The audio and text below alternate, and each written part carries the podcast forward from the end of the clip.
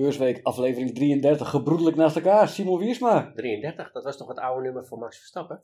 Volgens mij wel, ja. Hij rijdt nu met één altijd, Ja, hè. Dus eh, ja. Oké, cool. Ik zie hem ook nooit op een ander nummer dan één gewoon. Dus echt, ja, jij vindt het een leuke sport, hè? Nou, dat zet- zetten we nog wel een keer een boompje over op, eh, gewoon.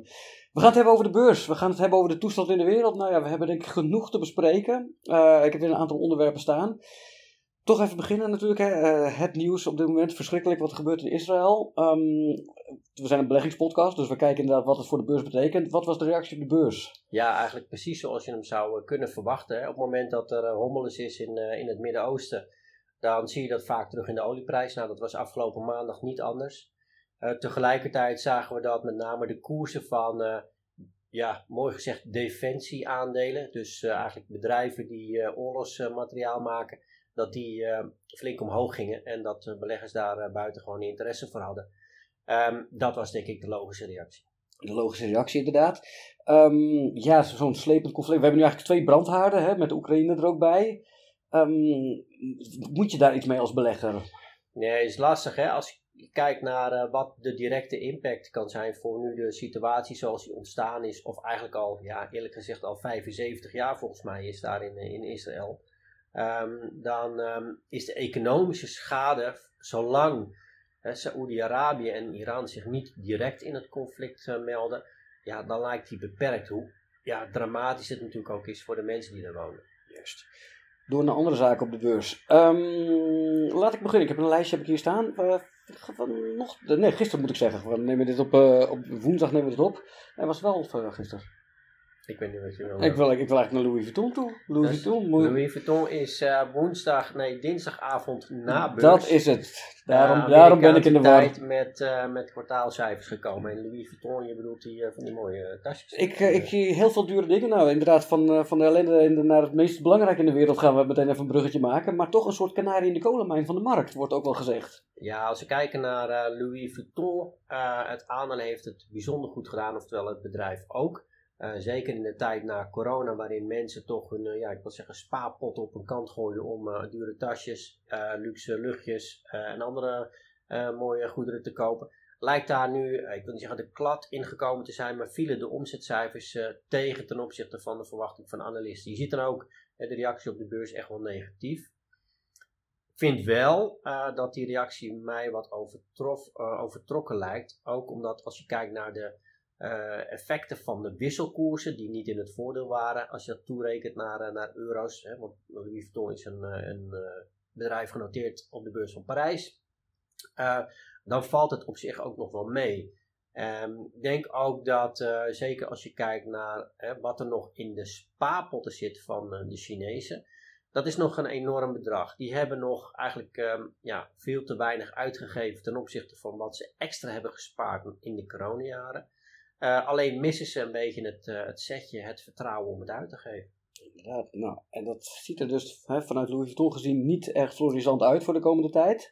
Ja, dat wou ik niet zo zeggen. Ik denk dat uh, de groeiverwachtingen van het bedrijf echt wel intact blijven. Alleen het was even tegenvallend ten opzichte van de verwachting van analisten op dit moment. Van hele dure dingen naar iets gewonere dingen, laat ik maar even zeggen. PepsiCo kwam ook met cijfers. Ja, en die kwam met uh, goede cijfers. En dat tekent denk ik toch wel nog steeds de, ja, de sterke drift van Amerikaanse consumenten om te blijven besteden.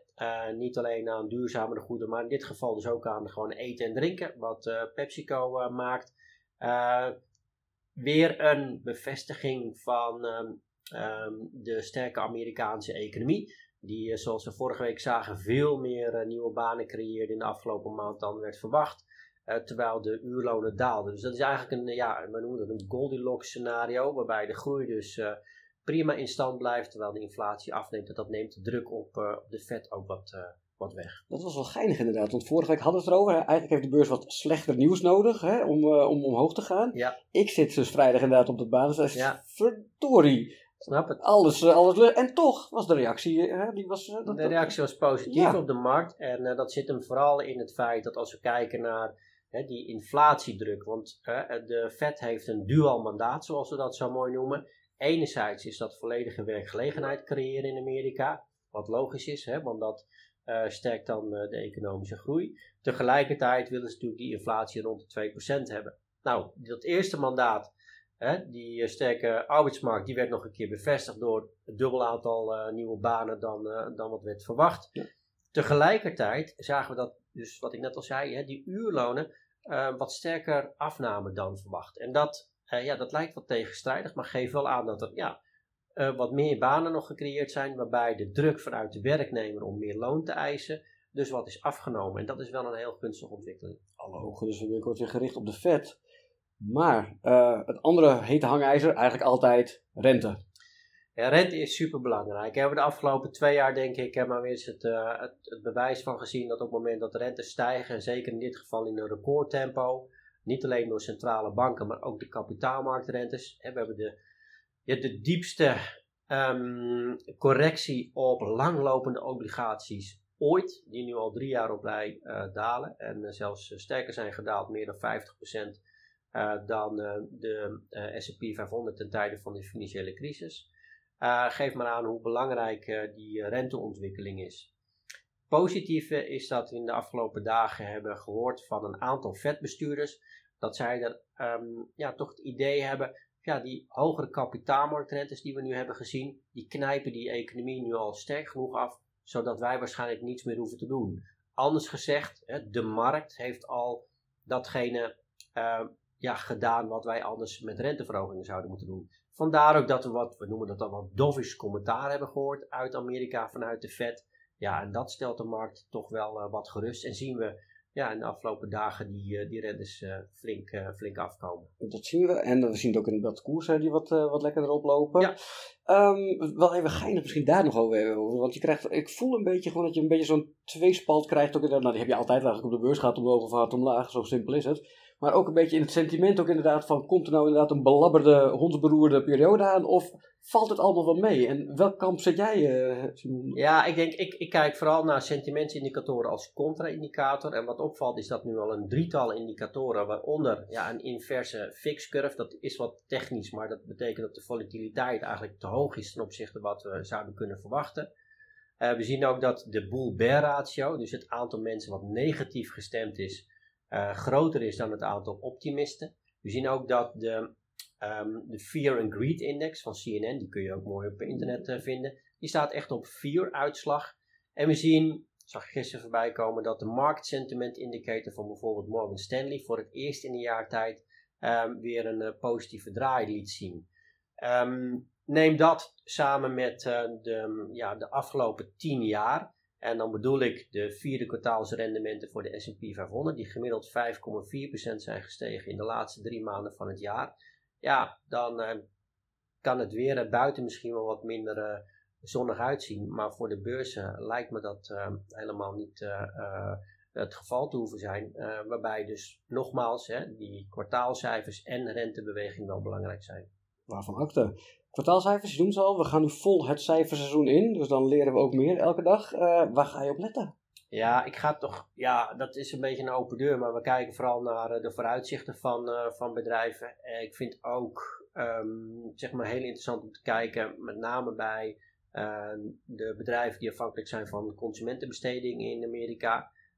geven die Amerikanen inderdaad nog, nog wel ja, genoeg uit om die economie op pepper te geven, want die zijn goed voor de twee derde van de groei.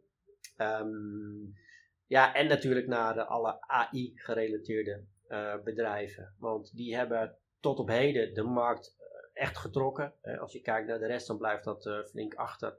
Maar die hebben het echt wel gedaan. De verwachtingen zijn dus ook wel hoog gespannen. Tot nu toe hebben ze dat iedere keer weer waar kunnen maken of kunnen overtreffen. En dat zullen ze, om het sentiment goed te houden, wel moeten blijven doen. Dus dat zijn de dingen waar we op letten. En OW als het misgaat?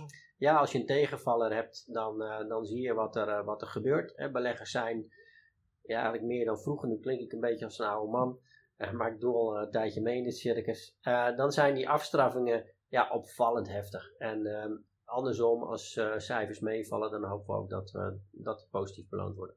We gaan het allemaal meemaken. Het cijferseizoen gaat beginnen. Wij zijn er natuurlijk gewoon elke week weer bij. Simon, dankjewel man voor deze week. Graag gedaan. En tot volgende week. Tot de volgende keer.